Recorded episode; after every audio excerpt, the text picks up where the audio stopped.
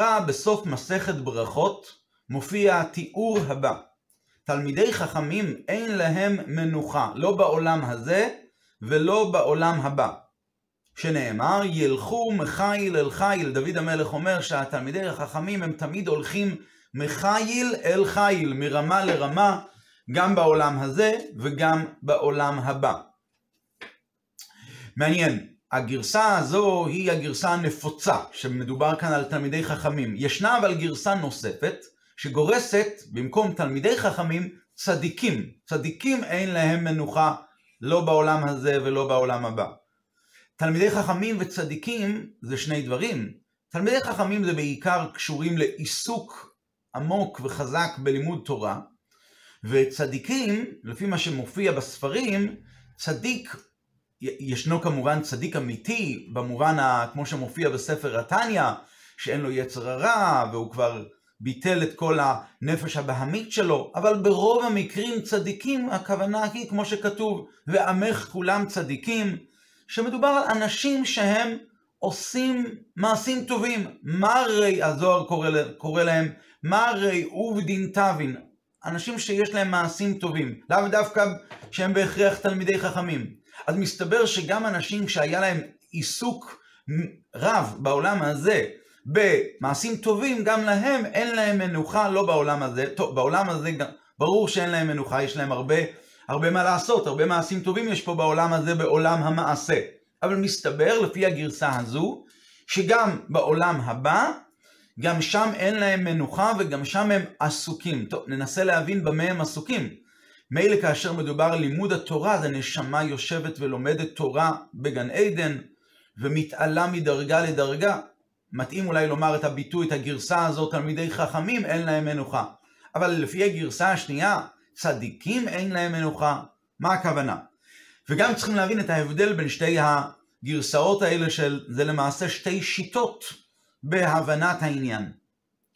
האריזל, רבי יצחק לוריה, המקובל המפורסם, הוא התייחס לעניין הזה באריכות בספר שלו, בספר ליקוטי הש"ס, ביורים בקבלה על פסקאות מסוימות בתלמוד, והוא אומר ככה, כי בעולם המיתה תלמידי חכמים עוסקים בתורה, עולים מדרגה לדרגה ומישיבה לישיבה, כי כמו שהשם יתברך אין לו סוף, כך תורתו אין לה סוף. ככה אומר האריזל.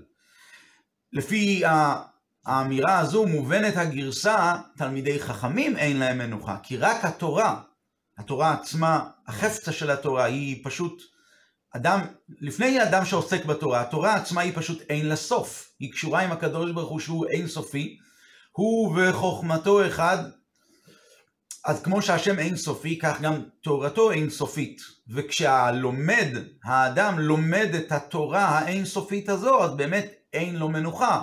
פשוט אין סוף ללימוד התורה. אבל כאשר מדובר על מצוות, שהמצוות הן ציוויים של הקדוש ברוך הוא. שאומנם כמובן זה ציוויים של האינסוף, אבל המצוות עצמם הן מצוות מוגבלות. הן, לא רק שהן מוגבלות, הן צריכות להיות בהגבלה. אדרבה, אנחנו מצווים עליהם לא להוסיף. לא תוסף עליו ולא תגרע ממנו. מצוות תלמוד תורה יש חיוב להוסיף. להוסיף בהבנה, כשבן אדם יאמר משפט כמו בראשית ברא אלוקים את השמיים ואת הארץ, הוא יאמר אותו כמה פעמים, הוא לא בהכרח קיים מצוות תלמוד תורה, כי הוא לא חידש שום דבר, הוא לא הוסיף שום דבר. צריך תמיד בהוספה, בלימוד התורה, אם הוא חוזר על הדבר שהוא כבר למד ויודע אותו היטב היטב והוא חוזר עליו עוד פעם, אז הוא צריך להוסיף דבר נוסף כדי לקיים בצורה מושלמת את מצוות תלמוד תורה. אבל במצוות, בשאר המצוות, בן אדם מצווה לא להוסיף, לא לגרוע, לא להוסיף, לא לעשות חמש אה, פרשיות בתפילין, ובמקום ארבע, וכולי וכולי. ואם ככה, אז לאותם עובדי מרי עובדין תבין, אותם עוסקים במעשים טובים, שזה המצוות, בטח יש לזה הגבלה. אז אם המצוות הן מוגבלות, האדם שעוסק במצוות, הוא עוסק במצוות בהגבלה, אז לכאורה אמור להיות להם כן מנוחה.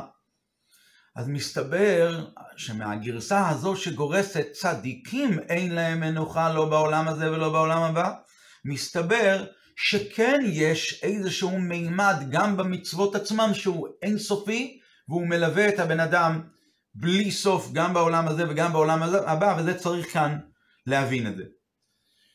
נתעמק עוד יותר ונגלה שבדומה להבדל שיש בין התורה והמצוות בכלל, יש גם איך החובה הזאת על בני אדם בכלל. בנוגע לתורה, החובה היא על כל בן אדם, והחובה היא לא מוגבלת. הרמב"ם כותב את המילים האלה, כל איש מישראל, בין עני בין עשיר, חייב בתלמוד תורה, בין שלם בין גופו, בין בעל ייסורין רחמנא ליצנן. זאת אומרת, החובה היא על כל אחד ואחד, והחובה היא גם חובה תמידית. בן אדם צריך להגות וללמוד תורה ביומם ולילה. ובמצוות יש לכל מצווה את ההגבלה שלה, את הקיום שלה, את המקום הספציפי שלה. מצווה זו לא בהכרח חובה על אדם זה, מצווה זו לא בהכרח על אדם אחר. אז קשה מאוד וצריך להבין את הגרסה הזאת, צדיקים אין להם מנוחה לא בעולם הזה ולא בעולם הבא. כמו שאמרנו, כנראה שיש כאן כן איזשהו מימד שהוא לא גבולי גם במצוות ולא רק בתלמוד תורה. יכולנו לומר בהקדמה קצרה של הלכה, ישנה הלכה שאומרת מבטלין תלמוד תורה מפני מצווה שאי אפשר לעשותה על ידי אחרים. יש לנו איזושהי מצווה, והמצווה הזו אין אף אחד שיעשה אותה, אזי מפסיקים ללמוד, מבטלים את תלמוד תורה בגלל המצווה הזו. אם היינו אומרים שבלימוד תורה יש משהו אינסופי ובלי גבולי, ובמצוות אין את זה, לא היה יכול להיות מצב שהמצווה תדחה לימוד תורה. כי לימוד תורה הוא בלי סוף ובלי גבול, ואילו המצווה היא מצווה מוגבלת.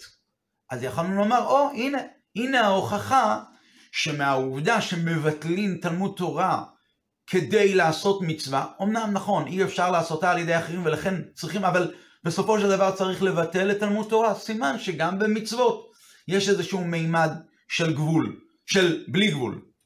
טוב, נצטרך כמובן להסביר את זה, למה זה באמת ככה, אבל ככה יכולנו לבוא ולהוכיח מהעובדה הזו את, ה, את הבלי גבוליות שקיימת במצוות. אבל למעשה זאת לא הוכחה מושלמת, בגלל שההלכה הזו מבטלן תלמוד תורה כדי, מפני מצווה שאי אפשר לעשותה על ידי אחרים, זה לא בגלל המעלה שיש במצוות, אלא בגלל שעל ידי הפגם באותה, באותו קיום מצווה, אם חלילה נעשה את הפגם ולא נעשה את המצווה הזו, ייפגם גם לימוד התורה. למה באמת ייפגם לימוד התורה? האדמו"ר הזקן, כשהוא מביא את ההלכה הזו, אז הוא אומר ככה, יפסיק תלמודו ויעשה המצווה, ומה הנימוק? הרמב"ם כתב את ההלכה בלי הטעמים. אדמו"ר הזקן מביא את ההלכה עם הטעמים, עם, הרי, עם הסיבות. ואדמו"ר הזקן כותב ככה, כי זה כל האדם. כמו שאמרו, כמו שאמרו חכמינו, תכלית חוכמה, תשובה ומעשים טובים. התכלית של החוכמה זה התשובה והמעשים הטובים. ולכן אם הבן אדם, אז למעשה הטעם הראשון של הרם, של האדמו"ר הזקן הוא, זה כל האדם. זה תכלית הווייתו ובריאתו של האדם עלי אדמות, שיעשה את המצווה. ועד האדמו"ר הזקן ממשיך. ואם אינו עושה כן, נמצא שלמד שלא לעשות ונוח לו וכולי וכולי, נוח לו שלא נברא. כלומר, מדובר כאן בשני טעמים שאדמו"ר הזקן מביא. הוא מביא את הטעם החיובי, הוא אומר, יפסיק תלמודו ויקיים המצווה מפני שזה כל האדם, זה הטעם הפוזיטיבי החיובי, כי זה כל האדם, ואחרי זה הוא מוסיף, הוא אומר, לא מספיק לי הטעם החיובי הזה, אבל והוא מוסיף גם הוא אומר ככה, הוא אומר, ואם אינו עושה כן, נמצא שלמד שלא לא, לא כראוי, לא, שלא לעשות. זאת אומרת, בלי קיום המצווה, לימוד התורה שלו הוא לא לימוד ראוי. מה רואים מזה?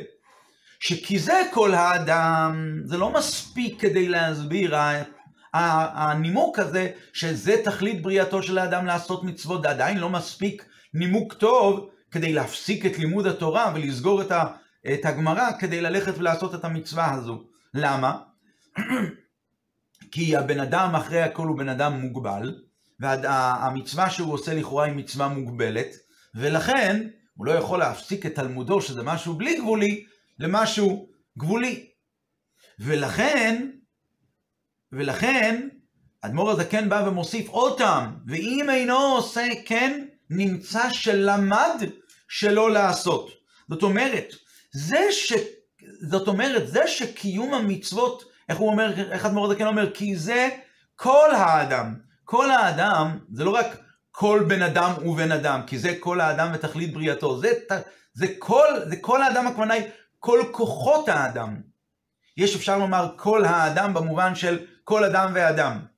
ויש כל האדם, הווי, כמו למשל הביטוי המפורסם, אה, הווי, אה, הווי דן את כל האדם לכף זכות. זה כל האדם זה כל אדם ואדם, ואפשר להגיד הווי, הווי דן את כל האדם, תסתכל על המכלול והשלימות של כל הכוחות של האדם, ותדון אותו לכף זכות. לענייננו, אדמו"ר הזקן אומר, כי זה הנימוק הראשון, למה להפסיק את תלמודו? כי זה כל האדם. האדם כולו, כולל הכוחות הנעלים שלו, כוחות השכל. התכלית של השכל ושל כל הכוחות הנעלים האלה, התכלית היא תכלית חוכמה, תשובה ומעשים טובים. אבל, אבל לפי זה, הקיום של, לפי הרעיון הזה, ועל זה האדמו"ר הזקן בא ומוסיף, ואם אינו עושה כן, נמצא שלמד שלא על מנת לעשות. זאת אומרת שהלימוד הוא לא כראוי.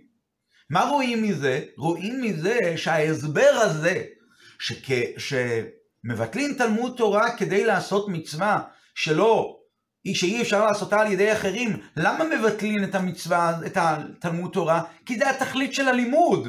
זה שלם, חלק מהשלימות של הלימוד. כשבן אדם לא יפסיק כדי לעשות את המצווה ההיא, זה יראה שהלימוד שלו לא היה כראוי. שהלימוד עם כוחות השכל הנעלים שהוא השתמש בהם, זה לא היה כמו שצריך.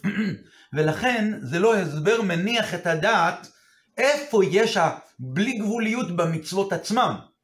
ואנחנו צריכים למצוא איזושהי פרשנות אחרת, ביאור אחר, ואז נוכל להבין היטב את הגרסה, צדיקים אין להם מנוחה, לא בעולם הזה ולא בעולם הבא, שהמצוות, המצוות יש להם איזשהו מימד של בלי גבוליות. מה ההסבר בזה?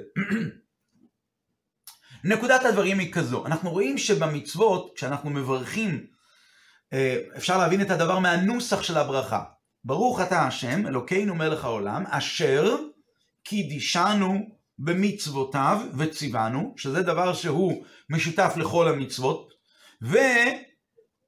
וציוונו ללעשות את המצווה הספציפית הזו. כלומר, לכל מצווה יש לה את העניין הזהה, הצד הזהה, שקיים בכל המצוות כולם, וכנראה מהצד הזהה שיש בכל המצוות כולם, שם יש את מימד הבלי גבוליות שבמצוות, ויש מימד מסוים במצוות שהוא כמובן פרט פרטי, מצווה פרטית שמבדילה בינה לבין מצוות אחרות, מהבחינה הזו זה מימד הגבול שבמצוות. אז אנחנו נצטרך כאן עכשיו לשרטט ולראות שבמצוות עצמם יש בכל מצווה ומצווה מימד הגבול ומימד הגבול, הבלי גבול. בפרטים השונים שיש בכל מצווה ומצווה שמבדילים מצווה זו ממצווה אחרת, פה מתבטאת ההגבלה שבמצוות. אבל מצד הנקודה המשותפת שקיימת בכל המצוות, שכל המצוות הן קידישנו במצוותיו וציוונו, זה ציווי, זה רצון של הקדוש ברוך הוא שיהודים פה למטה יקיימו את רצון השם.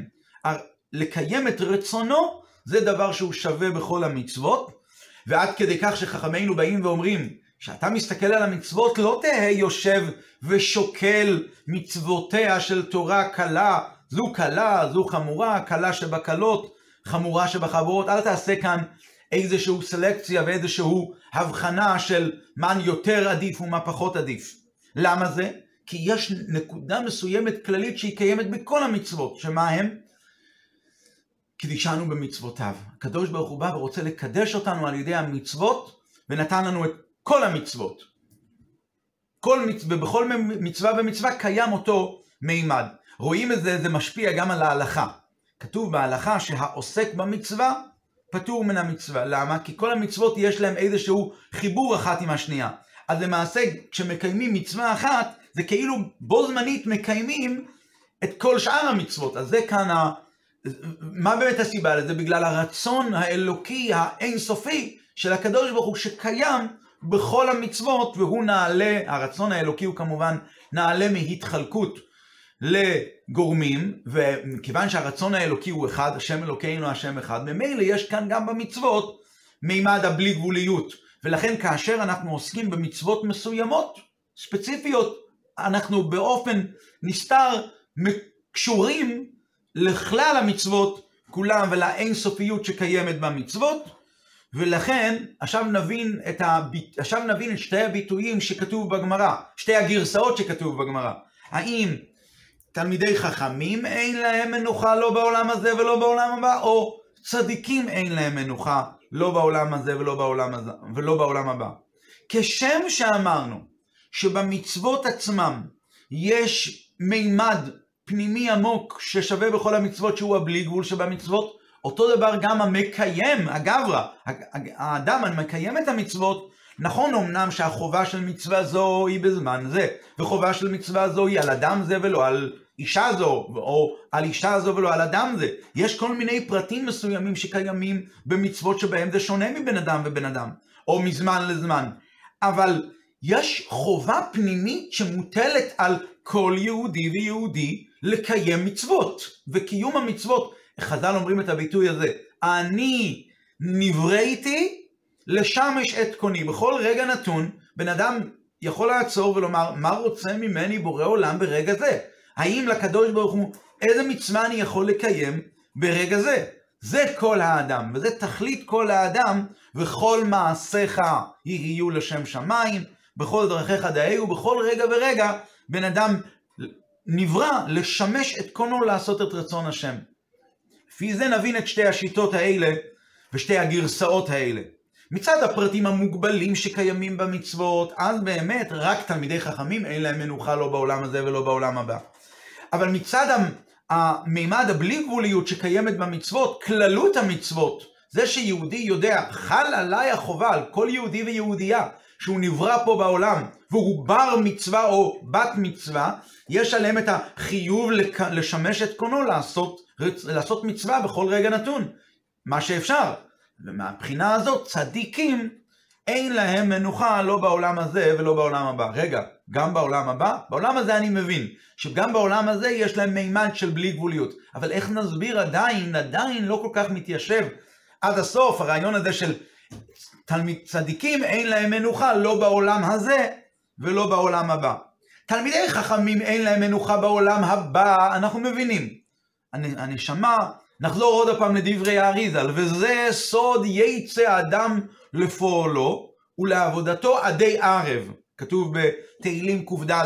יצא אדם לפועלו, אדם עוסק, רצה, רצה לומר, אומר האריזל, מה זה פועלו של הבן אדם? לעסוק בתורה במה שפעל בעולם הזה, אז הוא ועל עבודתו עדי ערב. כלומר, תלמידי החכמים, אין להם מנוחה בעולם הבא, גם בגן עדן, שם הבן אדם יצא מהעולם הזה, אבל יש את פועלו, יצא אדם ל... לפי האריזל, יצא האדם לפועלו. אדם יוצא מהעולם הזה ל... למה שהוא פעל בעולם הזה, לעיסוק שלו בתורה. כלומר, במה שהוא עסק בעולם הזה בתורה, שם הוא יעסוק בגן עדן בתורה ברמות גבוהות ונעלות עד אין סוף. אבל לכאורה במצוות זה הרי לא קיים.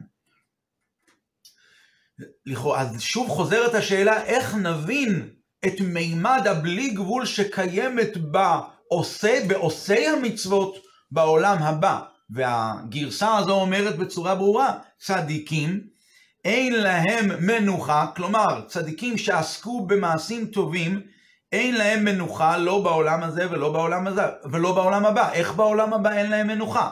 אז כמובן שבקיום המצוות יש כמובן עלייה ועלייה ויש מימד של אינסופיות, אבל איך זה קורה בעולם הבא? בעולם הבא אין קיום מצוות.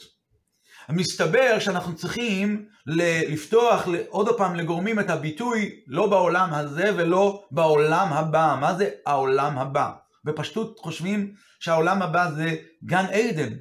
העולם שאחרי שבא, שהנשמה עולה אחרי שהבן אדם נמצא פה בעולם הזה מלובש בגוף, אז הנשמה בלי, בלי גוף, ואז היא נחשב, נקראת בעולם הבא. אבל מסתבר שלא. יש שתי, יש שתי פירושים לביטוי עולם הבא.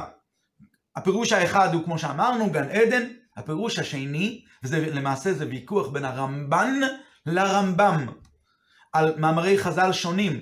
למשל, יש, ואו, ובאה השיטה של הרמב"ן ואומרת, מה זה העולם הבא? עולם התחייה שיבוא אחרי העולם הזה, תחיית המתים, שבו הנשמה תחזור לתוך הגוף ותחיה חיים נצחיים פה בעולם הזה. אז לפי הגרסה הזו נבין את ה... עכשיו נאמר ככה, לפי, לפי זה נאמר, תלמידי חכמים אין להם מנוחה לא בעולם הזה ולא בעולם הבא. עולם הבא שנאמר על תלמידי החכמים זה על גן עדן. שהעם הם עוסקים בתורה והנשמה שלהם משגשגת בלימוד התורה ומחיל אל חיל מתעלה. וצדיקים אין להם מנוחה לא בעולם הזה ולא בעולם הבא, בגלל העולם, בעולם הבא, בעולם התחייה, שם אין להם מנוחה בעולם הבא, כי המימד של הקיום המצוות מתעלה ומתרמה ונעלה, ומקבל עלייה כמו שהיא תהיה בעולם הבא, בעולם התחייה. אגב, הביטוי עולם הבא שהוא עולם התחייה, יש לזה מקור מאוד מאוד יפה. הגמרא אומרת, כל ישראל יש להם חלק לעולם הבא. משנה במסכת סנהדרין. אוקיי, לכל ישראל יש חלק בעולם הבא. מה המקור? אה, שנאמר, ועמך כולם צדיקים, לעולם ירשו ארץ. ואז ה... זה נאמר במשנה, ואז המשנה אומרת, ואלו שאין להם חלק לעולם הבא, מי זה האלה שלא יהיה להם חלק לעולם הבא? המשנה אומרת, כל ישראל יש להם. יש כאלה שלא, האומר, אין תחיית המתים מן התורה. אדם כזה, הוא אין לו חלק לעולם הבא. למה? הוא, ואז הגמרא מסבירה. הגמרא, הוא כפר בתחיית המתים, לפיכך לא יהיה לו חלק בתחיית המתים. אז מסתבר שהביטוי כל ישראל יש להם חלק לעולם הבא הוא תחיית המתים, ולכן אחד שכפר בתחיית המתים, אז לא יהיה לו חלק לעולם הבא מידה כנגד מידה. על כל פנים יש לנו שתי פירושים. עולם הבא עולם הנשמות, לפי כמו שיטת הרמב"ם הידועה, ועולם הבא עולם התחייה, כמו שיטת הרמב"ן, וההכרעה בתורת החסידות היא כשיטת הרמב"ן, ואחרי זה היא גם uh, אה, מתברר שגם הרמב"ם בעניינים מסוימים סובר שבאמת עולם הבא פירושו, במאמרי חז"ל שונים פירושו עולם התחייה. אז לפי זה הבנו את שתי הגרסאות. שהנשמה, כשהיא תחזור פה לעולם הזה, בעולם התחייה, יהיה לה, היא תחזור לפועלו. כמו יצא אדם לפועלו שהסביר האריזל, שזה הולך על עולם הנשמות, אותו דבר יצא האדם מן העולם הזה לעולם הבא, לעולם התחייה, לפועלו לאותו מה שהוא פעל בקיום המצוות. אבל הבעיה היא שאנחנו יודעים ומכירים שיש מאמרי חז"ל שאומרים שלעתיד לבוא המצוות יתבטלו, והכוונה היא בתחיית המתים. ו... ועוד שהרי מוסבר בספרי החסידות בכמה וכמה מקומות, ש...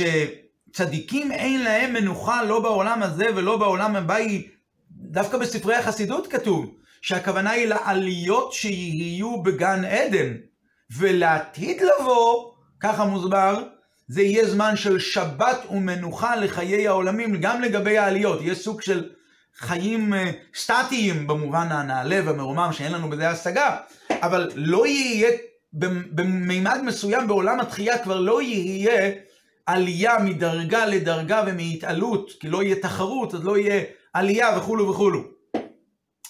אנחנו אמרנו הרגע אבל שצדיקים אין להם מנוחה בעולם הבא, שלא מדובר על עולם הבא, עולם הנשמות, אלא מדובר על עולם התחייה. איך אפשר לתווך את מאמרי חז"ל האלה? טוב, אז ההסבר הוא כזה.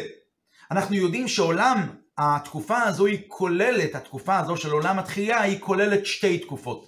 זה נושא שמטופל באריכות במקום אחר, באחד ההדרנים שנשא הרבי, והסביר את זה באריכות רבה, מבוסס על דברי הבבלי והירושלמי והמדרשים והרמב"ם, דברים אה, שמחוץ למסגרת הזו של השיעור, דברים נפלאים ונעלים, בכל אופן, אבל המסקנה היא שלעתיד לבוא יהיו שתי תקופות. תקופה הראשונה היא התקופה שעליה אומר כל היהודי, והוא מבקש ואומר, ושם נעשה לפניך כמצוות רצונך. אז יהיה אפשרות לקיים את המצוות בצורה מושלמת ומלאה. ואז יהיה גם עליות, ואז יהיה עלייה מחיל אל חיל, ואז לא יהיה מנוחה לאותם צדיקים שעסקו, שעוסקים בתורה, במצוות. צדיקים אין להם מנוחה לא בעולם הזה ולא בעולם הבא. זאת תהיה תקופה אחת. תקופה השנייה, בתקופה הזו יהיה באמת מצוות בתהילות, וזה כבר משהו אחר. אחת ההוכחות המפורסמות לעניין הזה שיהיו שתי תקופות בביאת המשיח, היא ממה שהגמרא אומרת, הגמרא שואלת איך אנחנו נדע מה לעשות כאשר יהיה עולם התחייה, כאשר יקומו אנשים לתחיית המתים, איך נדע מה לעשות עם כל ההלכות, שפתאום אנחנו נצטרך לקיים מצוות. אז הגמרא אומרת, משה ואהרון יהיו עמהם, יהיו עמנו.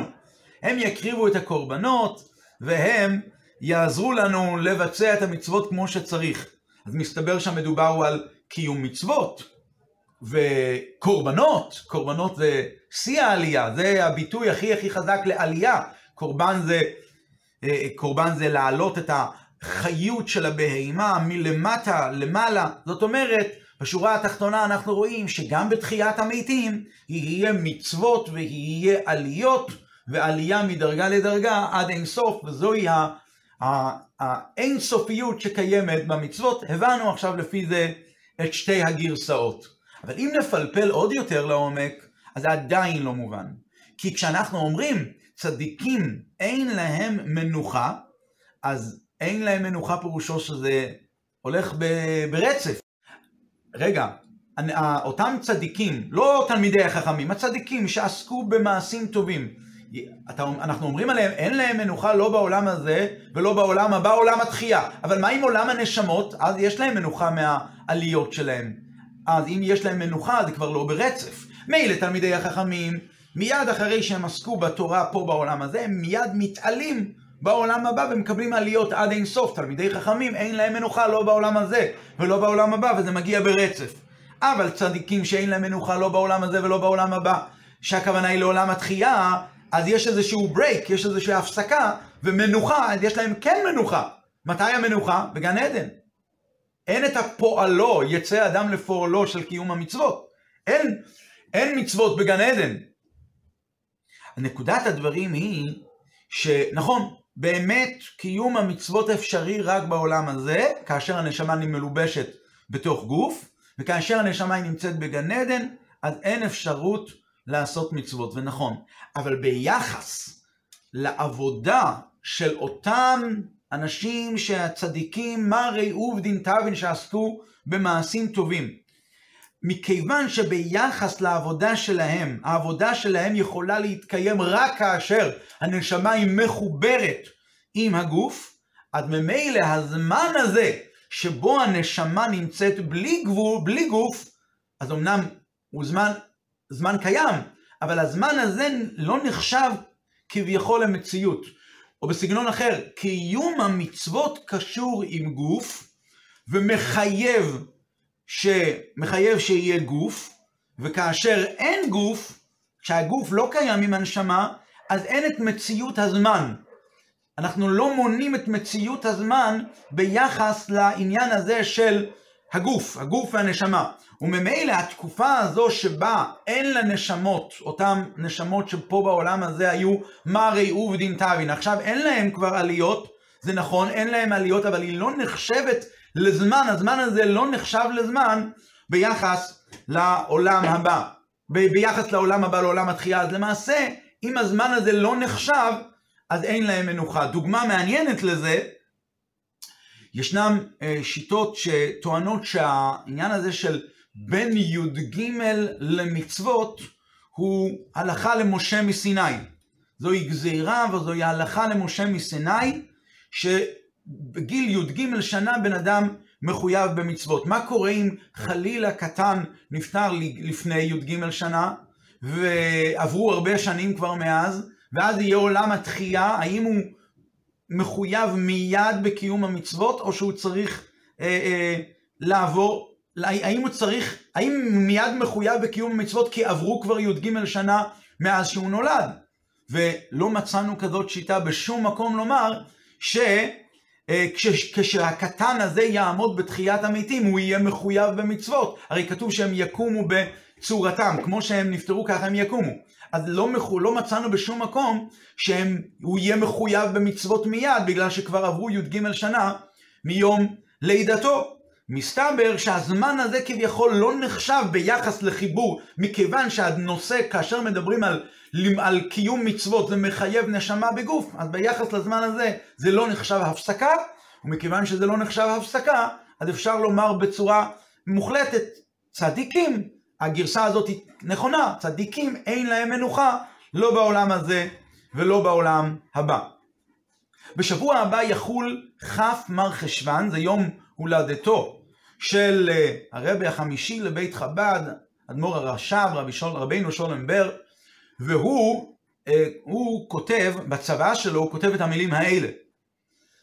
הוא כותב ככה, ועוד יש לומר בדרך אפשר בעומק יותר, על פי מה ששמעתי בשם, הוא מביא ציטוט מאבא שלו, הרבי המהר"ש, רבינו שמואל, שלצדיקים גמורים, גם בגן עדן, מאיר להם, ככה הוא אומר, מאיר להם בחינת אור אינסוף הסובב כל עלמין, ולפי זה יש לומר, דשייכות שם מעין עשיית המצוות, יש שם מעין, כך הוא אומר, מעין עשיית המצוות גם בעולם הבא, גן עדן, עולם הבא, עולם הנשמות, והוא אומר, ועל דרך הוא מעין ודוגמה למצוות שיהיו לעתיד לבוא. זה, הוא אומר, זה מעין ודוגמה לאותן מצוות שיהיו לעתיד לבוא, והוא מסיים ואומר בצוואה שלו לבנו, וזהו עניין כיבוד אב ואם, מה שמכניס את האבות לגן עדן והוא גורם להם לעלייה וכולי וכולי. ככה הוא כותב, מסתבר שכן יש עליות גם בגן עדן. וזה דבר מעניין מאוד, ייתכן שזה עומק דברי הרמב"ם. הרמב"ם אומר, כשהרמב"ם מתאר בהלכות תשובה את מה שקורה בגן עדן, אז הרמב"ם אומר ככה, כך אמרו חכמים הראשונים, העולם הבא, שהכוונה היא לעולם הנשמות, אין בו לא אכילה ולא שתייה וכולי וכולי, אלא צדיקים יושבים ועטרותיהם בראשיהן ונהנין מזיו השכינה. הרי נתברר לך שאין שם גוף, ככה אומר הרמב"ם. וכן זה שאמרו עטרותיהן בראשיהן, מה זה חכמים מתכוונים לעטרותיהן בראשיהן?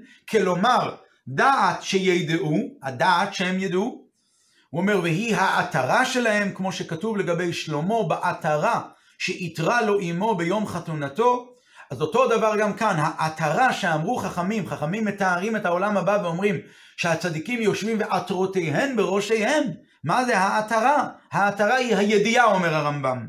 שידעו את, אה, את אה, דעת בורם, שידעו, שיהיה להם דעה, דעה רחבה. ומהו זה שאמרו נהנין מזיו השכינה, ממשיך הרמב"ם, ומנסה להסביר את דברי החכמים שנותנים תיאור לעולם הנשמות, שיודעים ומשיגים מאמיתת הקדוש ברוך הוא מה שאינן יודעים, והם בגוף השפל, האפל, השפל.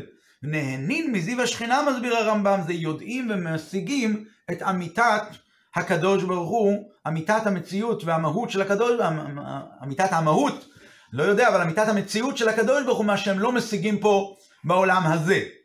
בכל אופן, אז הרמב"ם, מהלשון שלו נראה שבגן עדן יש באמת שני עניינים. יש את עטרותיהן בראשיהן. העטרה היא מעל הראש. העטרה היא מקיפה אותו. היא עטרה שהיא מקיפה את הראש. ויש מה נהנין מזיו השכינה. אז זה שתי דברים. עטרותיהן בראשיהן הכוונה היא למשהו שמקיף עליו. מה שהרבי הרש"ב אמר שיש את האור הסובב כל עלמין שהוא מאיר בהם.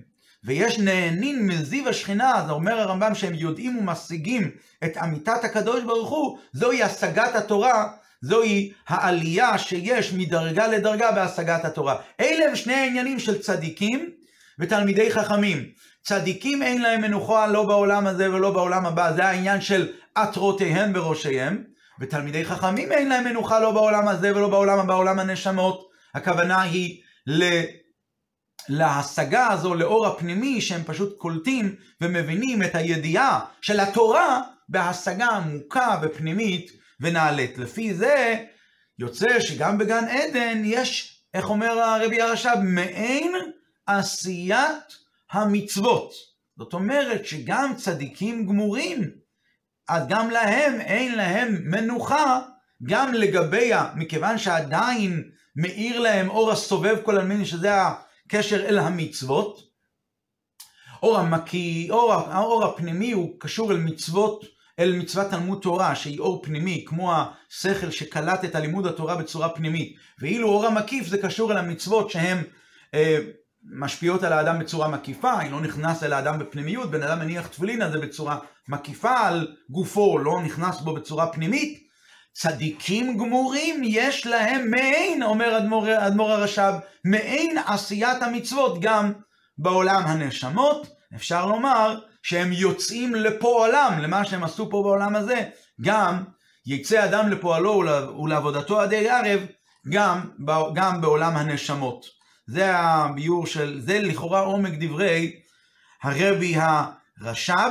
מעניין שהרבי הרש"ב, רבינו, רבינו שלום בר, שהיום ההולדת שלו היא כמו כאמור ביום כ' חשוון, אז כתב פעם בנו, הרבי הרייץ, הוא כתב, כתב רשימה, שנים רבות לאחר אה, הסתלקותו לשמי רום, לשמי מרום של הרבי הרש"ב, הוא כתב ככה, כתב מכתב ביום כ' בחשוון, יום הולדתו של אביו, הוא כתב, בחלומי ראיתי את הוד כבוד קדושת אבי מורי, והוא אמר, הוא אמר לי בחלום, במעת לעת הזה נתמלאו לי פ"ד שנה לירידת נשמתי, וכפי הסדר, הנה כל אחד מכבוד קדושת רבותינו, נשיאינו, אבותינו הקדושים, יאמר דרוש על פסוק מפרק פ"ד בתהילים.